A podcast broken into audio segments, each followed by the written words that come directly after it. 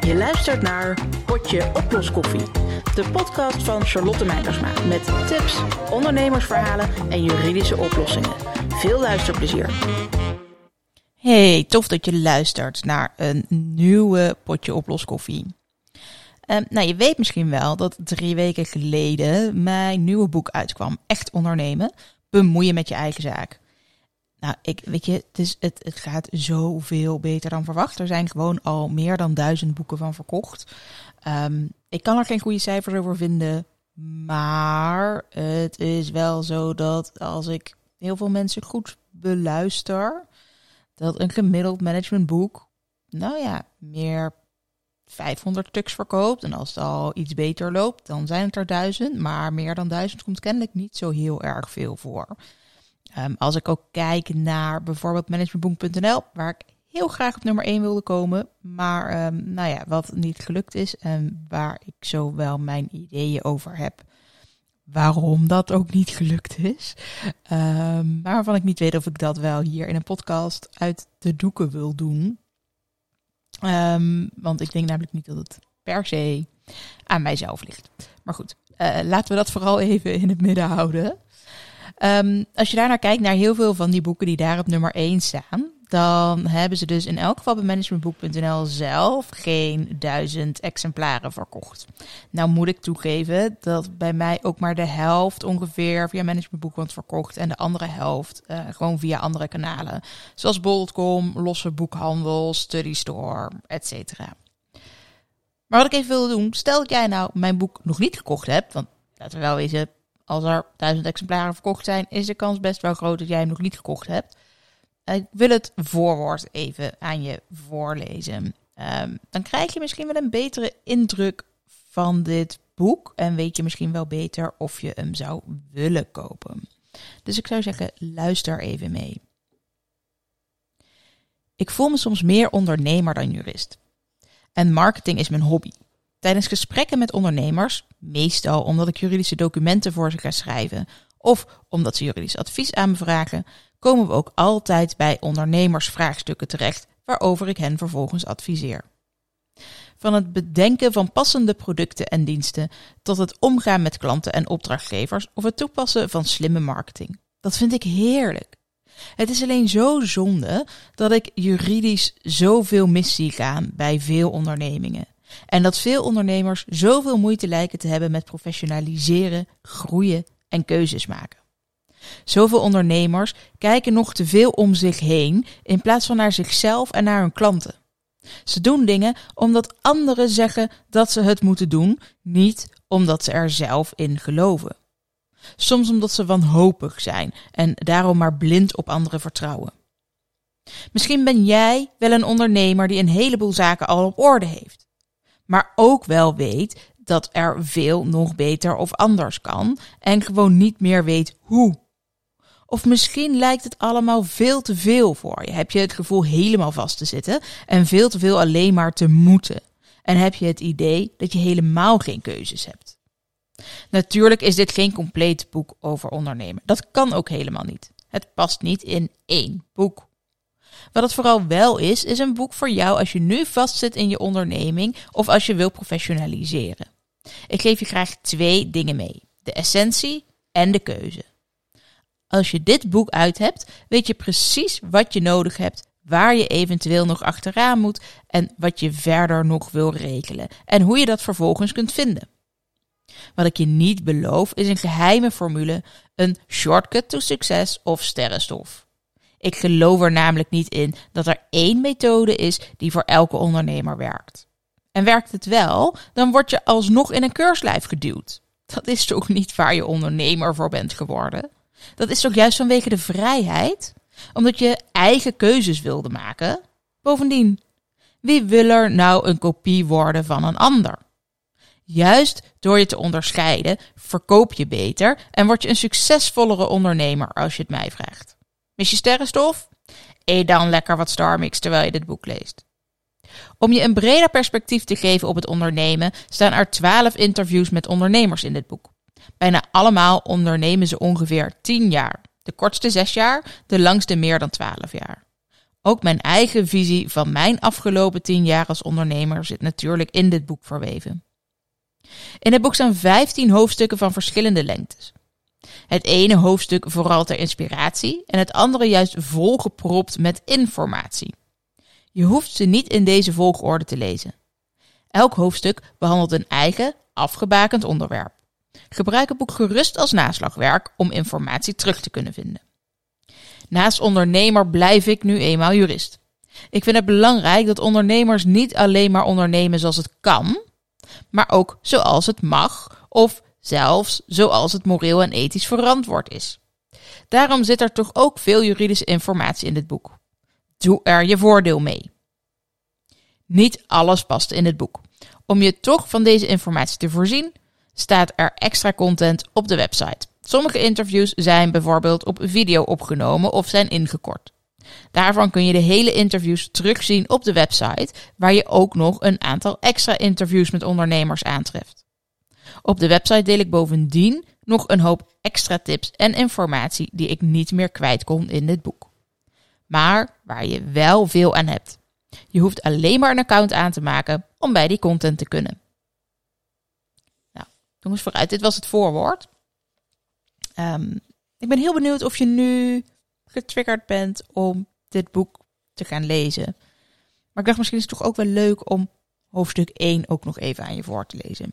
Ehm, dat is een wat uh, korter hoofdstuk, um, ja, net zoals het voorwoord eigenlijk, waarin ik je graag meeneem in mijn gedachten en onderzoek over wanneer je dan een echte ondernemer bent. Of wanneer je überhaupt dan ondernemer bent. Hoofdstuk 1 heet dus ook De echte ondernemer. Quote. Als je niet misbaar bent en geen team hebt, dan ben je geen ondernemer, maar dan heb je een baan voor jezelf gecreëerd. Einde quote. Het was de eerste en tot nu toe laatste keer dat ik me had ingeschreven voor een groepscoachingstraject en online training. Ik had zo vaak gehoord dat elke goede ondernemer een coach nodig had, dat ik daarin was gaan geloven. En ach, ik kon het in elk geval wel eens even gebruiken om uit mijn eigen denkcirkel getrokken te worden. Frisse ideeën en een blik van buitenaf konden mijn bedrijf alleen maar goed doen. Bij het programma hoorde ook een Facebookgroep waar je vragen mocht stellen en dilemma's voor mocht leggen. Ik had van alles gelezen en gehoord in het programma waarin verteld werd wanneer je een ondernemer zou zijn. Het ging ervan uit dat elke onderneming een aantal fases doorloopt, met als doel dat je uiteindelijk hooguit nog de investeerder bent in je bedrijf en je bedrijf wil verkopen. Een ondernemer zonder team is geen ondernemer. Prima, dacht ik. Dan noem je me geen ondernemer. Ik legde mijn probleem voor, met de disclaimer erbij dat ik de oplossing neem personeel aan niet wilde horen en dat ik het prima vond om dan geen echte ondernemer te zijn. Een half jaar daarvoor had ik namelijk net besloten zonder personeel verder te ondernemen, omdat ik nu eenmaal geen goede manager ben en het personeel het bedrijf niet ten goede kwam. Uiteindelijk werd ik vriendelijk, toch dwingend het programma uitgetiefd. Want als ik er zo in zat, dan paste ik hier niet. Het riep bij mij de vraag op wanneer je dan een ondernemer bent. Of daar echt voor nodig is dat je een team hebt. Het boek The E-Myth van Michael Gerber wordt vaak aangeraden en gaat ervan uit dat je als bedrijf een machine bouwt. Werk je zelf ook nog in je bedrijf? Dan heb je helemaal geen bedrijf, zo is de gedachte. Als je het aan ondernemers zonder team vraagt, zul je horen dat je ook zonder personeel of een andere vorm van een team een ondernemer kunt zijn. Vraag je het aan ondernemers met een freelance team of uh, met die aspiraties, dan zul je horen dat het er wel moet zijn. Deze ondernemers gaan ervan uit dat andere mensen het uitvoerende werk doen. Wanneer je een onderneming hebt, is het natuurlijk fijn wanneer het door kan lopen wanneer je als eigenaar ziek wordt of wanneer een van je medewerkers uitvalt. Niet afhankelijk zijn van één of enkele personen zorgt natuurlijk voor een bestendiger bedrijf. Maar dat wil niet zeggen dat je zonder deze mensen geen echte ondernemer bent of een echte onderneming hebt. Medewerkers voeren voornamelijk uit wat hen wordt opgedragen met meer of minder eigen verantwoordelijkheid en keuzevrijheid. Een medewerker bepaalt niet de koers van het bedrijf en hoeft bovendien in de basis alleen maar goed te zijn in de taken waarvoor hij of zij is aangenomen. Een one-trick pony zou je kunnen zeggen. De eigenaar van de kroeg waar ik veel kwam noemde ik vaak een vuile ondernemer. Dat bedoelde ik als compliment, omdat hij gewoon heel goed wist wat hij wanneer moest doen om extra geld te verdienen. Hij gaf bijvoorbeeld veel persoonlijke aandacht en kwam het vertellen wanneer hij een nieuw product had waarvan hij dacht dat ik dat ook wel lekker en leuk zou vinden. Natuurlijk met een hogere marge dan het biertje dat ik gewoonlijk besteld zou hebben. Was het rustig? En wist hij dat het redelijk rustig zou blijven die avond? En stonden wij op het punt om weg te gaan en af te rekenen? Dan kregen we nog een gratis biertje.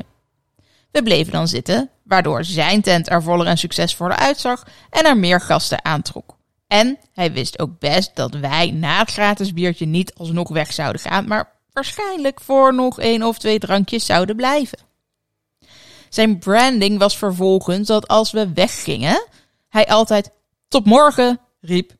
Ook als hij wist dat we de volgende dag helemaal niet zouden komen. Een ondernemer moet juist van meerdere markten thuis zijn, ook als er taken kunnen worden uitbesteed. Een ondernemer moet de markt kennen, innovatief zijn, prijzen kunnen bepalen, risico's durven nemen en knopen kunnen doorhakken. Moet weten wat klanten willen en daarop in kunnen spelen en moet durven veranderen. Een ondernemer heeft een brede basiskennis nodig, al is het maar om te weten wat er dan aan werk gedaan moet worden en hoe en wie dat gedelegeerd kan worden. Elke ondernemer moet met een helikopterview naar zijn eigen bedrijf kunnen kijken. Als ondernemer hoef je je eigen boekhouding niet te doen, maar je moet de cijfers wel begrijpen. Je hoeft niet zelf de contracten te kunnen schrijven, maar je moet wel weten over welke onderwerpen je moet onderhandelen en wat je moet regelen. Je hoeft niet zelf de marketing te doen, maar je moet wel weten welke mogelijkheden er zijn, zodat je keuzes kan maken en het aan de juiste specialisten kunt uitbesteden. Een ondernemer is dus altijd breed geïnteresseerd en leergierig, voldoende flexibel en nieuwsgierig. De veelzijdigheid van de ondernemer is wat hem of haar onderscheidt van de one-trick pony die een werknemer of professional meestal is. Dit boek is er voor jou als echte ondernemer omdat je wil professionaliseren en een echt succesvol en bestendig bedrijf wil bouwen voor de lange termijn. Natuurlijk op een eerlijke manier, zowel juridisch als moreel en vooral ook op je eigen voorwaarden. Het is tenslotte jouw bedrijf, dus bemoeien met je eigen zaak. Nou mensen, dit was het voorwoord en, uh, en hoofdstuk 1. In totaal staan er, nou ja, je zou kunnen zeggen 15 hoofdstukken in het boek. Um, het gaat eigenlijk over een hele hoop zaken waarmee je gewoon te maken krijgt in je onderneming. Dus bijvoorbeeld hoofdstuk 2, uh, eh, het kiezen van de rechtsvorm voor je onderneming. Nou, dan zou je zeggen, dat is toch iets wat je doet wanneer je start? Nou ja, uiteraard, alleen beginnen de meeste mensen dan, logischerwijs, met een eenmanszaak of een VOF als ze samenwerken. Uh, omdat dat gewoon goedkoop is, snel, makkelijk, et cetera. Maar op het moment dat je doorgroeit, kan het interessant worden. Ofwel vanwege je risico's met personeel, of omdat je gewoon grotere winsten behaalt en het fiscaal slim wordt om door te groeien naar een BV en die omslag te maken. Nou, zo laat ik graag zien in hoofdstuk 2 wat de verschillende mogelijkheden zijn en wat de verschillen zijn, zodat je daar een betere keuze in kunt maken en je ook niet te lang gaat wachten met de overstap naar een andere rechtsvorm die misschien wel beter past. Vervolgens gaan we door naar hoofdstuk 3, naammakers noem ik die, met wat uitleg over de handelsnaam en merken. Nou, ook daarvan denk je, ja, mijn bedrijf heeft toch al een naam? Ja, natuurlijk, maar heb je ook al een merk? Misschien is het verstandig om toch wel te zorgen voor dat merk. Of als je aan een rebranding wil gaan doen, dat je dan beter kunt overwegen naar welke naam je dan overstapt. Of misschien uh, kom je uit het hoofdstuk wel tot de conclusie dat je überhaupt beter aan een rebranding kunt beginnen. Hoofdstuk 4 gaat over succes. Ik heb heel veel mensen gevraagd wat succes nou eigenlijk is. Als je namelijk kijkt naar de media, gaat het eigenlijk altijd over bedrijven die groot zijn, veel personeel hebben, misschien ook wel een groot pand. En die hoge omzetten draaien met lekker veel winst, het liefst ook nog. Maar in elk geval gaat het om die omzet. Ik vroeg me dus af of iedereen daar zo naar zou kijken. Ehm, maar juist in mijn onderzoek daarnaar kwam ik tot hele andere conclusies. Het is dus ook een vraag die ik onder meer aan alle twaalf mensen heb gesteld die ik voor mijn boek heb geïnterviewd. Dan heb ik nog een hoofdstuk geschreven over falen. Want, nou ja, ik weet niet hoe het met jou zit, maar ik ben eigenlijk best wel een perfectionist. Bovendien ben ik natuurlijk ook nog een jurist. Dus falen zit er voor mijn gevoel eigenlijk niet echt in. Ik kan niet zeggen, oh uh, ja, sorry, um, foutje gemaakt in deze procedure. Dat kan een ander tenslotte heel erg veel geld kosten. Ik word ingehuurd om dat soort problemen nou juist te voorkomen. Dus als ik vervolgens die fout maak, ja, dat kan voor mijn gevoel niet. Maar dat zijn de fouten die ik vooral als jurist en professional niet kan maken. Als ondernemer mag ik veel meer fouten maken. Kan ik veel meer dingen uitproberen, nieuwe producten en diensten verzinnen en vervolgens bedenken: nee, dit wordt hem toch niet. Ehm, hier ga ik mee stoppen. En weet je wat nou de grootste grap is? De meeste mensen hebben dan helemaal niet door dat jij daarmee stopt. Dus falen is helemaal geen probleem en de meeste mensen zien het niet eens. Datzelfde geldt overigens ook voor het aannemen van freelancers en werknemers. Uh, het lijkt dan misschien wel alsof je continu vacatures open hebt staan en je team maar blijft groeien. Dat geeft voor mensen heel erg veel het idee dat je dus inderdaad heel succesvol bent, dat het allemaal wel lekker gaat. Dat er in de tussentijd ook een hele hoop mensen weer weggaan of dat jij ze ontslaat, contracten niet verlengt, et cetera. Dat zien de meeste mensen helemaal niet. Dus dat falen is veel vaker onzichtbaar. dus dat jij misschien wel denkt, oh, dit kan absoluut niet. Dat de meeste mensen het niet eens zien. Dat geeft je dus ook veel meer ruimte om te kunnen proberen, te pioneren en dus ook om te falen. Daarna komt er een hoofdstuk over verdienmodellen. Dat komt onder meer omdat mijn filosofie is dat je je niet maar op één verdienmodel zou moeten richten, omdat dat eigenlijk te kwetsbaar is. Of dat als je één verdienmodel hebt, dat je dan in elk geval maar beter kunt zorgen dat je dan meerdere diensten en producten binnen dat verdienmodel aanbiedt. En ik leg vooral een hele hoop verdienmodellen uit, zodat je daar zelf uit kunt kiezen en verder kunt onderzoeken. Uiteraard bestaan er nog veel meer verdienmodellen dan ik hierin uitleg. Het is immers geen boek over verdienmodellen. Het is er maar slechts een onderdeel van. Daarna een hoofdstuk over een team bouwen. Nou ja, ook over of je hem dus nou moet willen hebben of niet. Maar als je nou een team wil, hoe richt je dat dan in? En kies je dan voor de freelancers of voor de medewerkers? Wat zijn daar de voor- en nadelen van? Wat moet je daarbij overwegen en wat moet je regelen? Ik zie namelijk heel veel ondernemers met gemak allerlei freelancers inhuren. Met het idee dat zijn andere ondernemers, dus dan is dat wat minder gedoe en minder risico. Maar als je die vervolgens voor zoveel vaste uren inzet, dat ze eigenlijk heel erg lijken op een werknemer. Ja, dat is waar die wet DBA vandaan komt, waar je misschien wel eens um, in de media wat over hoort. Het idee is dat we die freelancers dan toch als medewerkers moeten gaan zien en dat zij gewoon al die rechten krijgen. En het lullige is dan, als dat zo gezien wordt door de Belastingdienst, dan moet je bijvoorbeeld alle loonbelasting gewoon nog nabetalen. En nee, dat mag je dan niet terugvorderen van die freelancer. Die is dan immers een medewerker geworden en geen freelancer meer. En dan een belangrijk hoofdstuk: eerlijk klanten aantrekken. Dat gaat eigenlijk dus over marketing, zou je kunnen zeggen. En het is een hoofdstuk waar ik ook veel lof over heb gekregen in alle recensies, expertrecensies, et cetera. Omdat het dus zowel over de marketing zelf gaat, maar ook over de juridische kant daarvan. Um, marketing is voor mij een beetje een hobby, moet ik toegeven. En ja, ik zou heel graag op één zijn gekomen met mijn boek. En daar had ik nog allerlei trucjes voor uit kunnen halen. Die wettelijk gezien gewoon zijn toegestaan. Maar die voor mij ja, niet lekker voelden. Dan had ik niet echt kunnen zeggen dat ik op één had gestaan. En bijvoorbeeld als ik mijn boek zelf zou hebben ingekocht. Nou, in dit hoofdstuk uh, leg ik vooral ook uit wat er allemaal wel kan. Hoe je toch wel mee kunt liften op bijvoorbeeld andere merken, zodat je daar wat autoriteit van kunt lenen. Hoe je goed aan content marketing kunt doen. Um, hoe je ethisch en e-mail marketing kunt doen. Maar bijvoorbeeld ook de acht geboden van de autoriteit consumentenmarkt. waar je rekening mee moet houden en wat je dus absoluut niet mag doen. Misschien heb je wel eens gehoord dat ik zeg: een week niet in de media is een week niet geleefd. Oké, is een beetje als grapje begonnen in 2018, omdat ik in dat voorjaar opeens heel erg veel gevraagd werd door de media vanwege de AVG, die privacywet zou je kunnen zeggen omdat ik behalve dan in 2020, het is in elk geval in 2018, 2019 en het ziet er nu voor 2021 er ook naar uit. Dat ik daadwerkelijk gemiddeld vaker dan één keer in de week in de media ben gekomen. Dacht ik dat het misschien toch wel aardig was om jou daar ook wat over te vertellen in het boek. Dus daar gaat hoofdstuk 10 over. Hoofdstuk 11 gaat eigenlijk over de essentie van het ondernemen. Aanbod en aanvaarding. Jij biedt iets te koop aan, een product of een dienst. En je zoekt een klant die dat wil aanvaarden.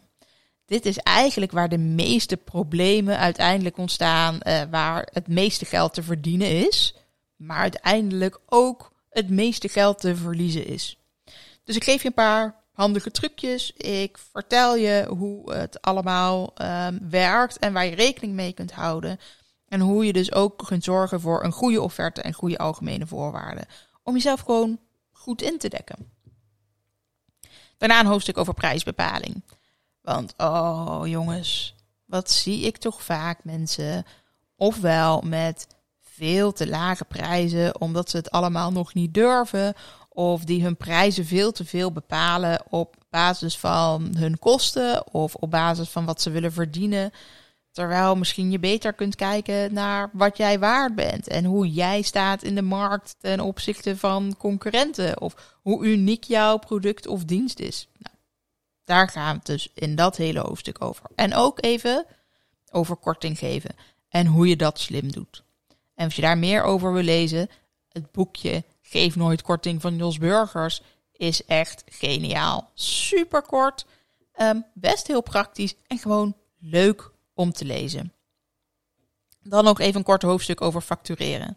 Want ook dat moet je gewoon even goed doen. Niet alleen maar voor jezelf, maar ook om ervoor te zorgen dat je op tijd betaald krijgt. Hoe je dus met wanbetalers om moet gaan. En hoe je ook voorkomt dat de Belastingdienst jou te veel in je nek hijgt hierover. En dan een hoofdstuk waar heel veel mensen natuurlijk over moeten lachen. Hoe kom je van die kutklant af? En die klant van jou. Uh, het gaat hier voor een groot deel ook over overeenkomsten van opdracht. Dus als jij een dienstverlener bent, is dit voor jou een heel belangrijk hoofdstuk.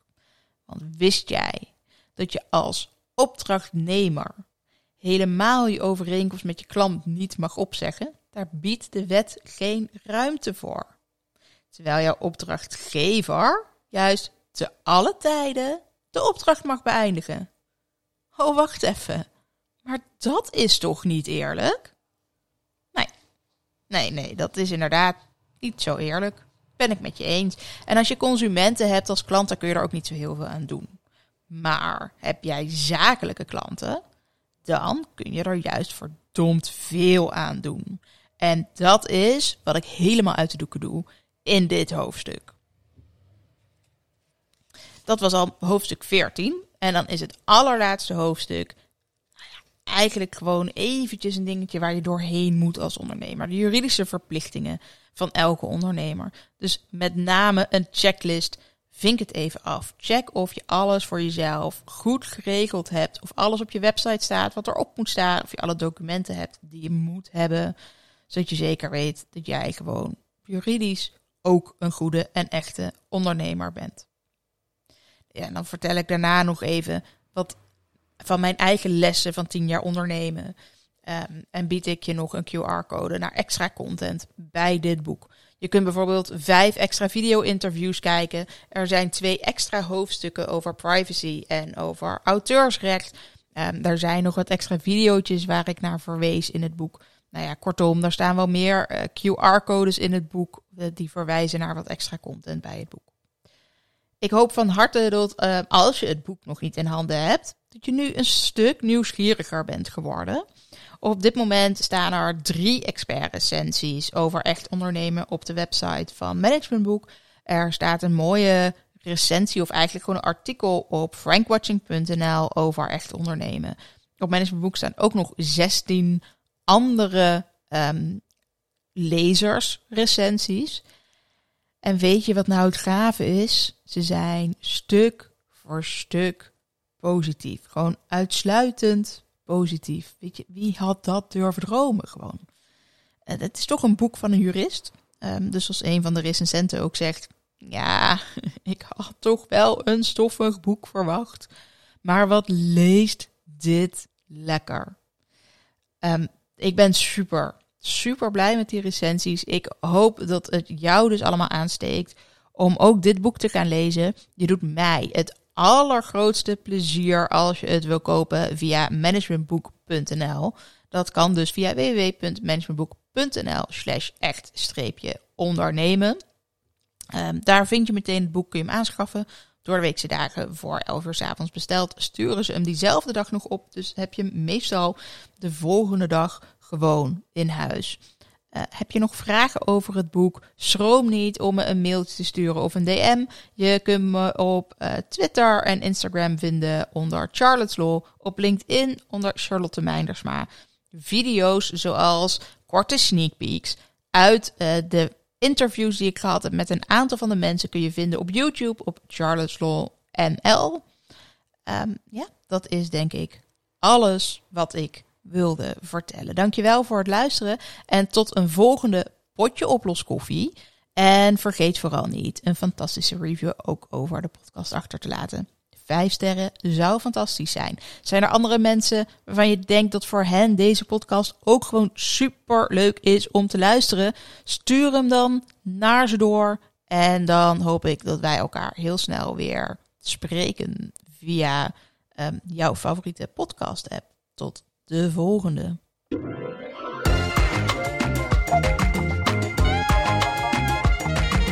Je luistert naar Potje Oploskoffie, de podcast van Charlotte Meijersma met tips, ondernemersverhalen en juridische oplossingen. Veel luisterplezier.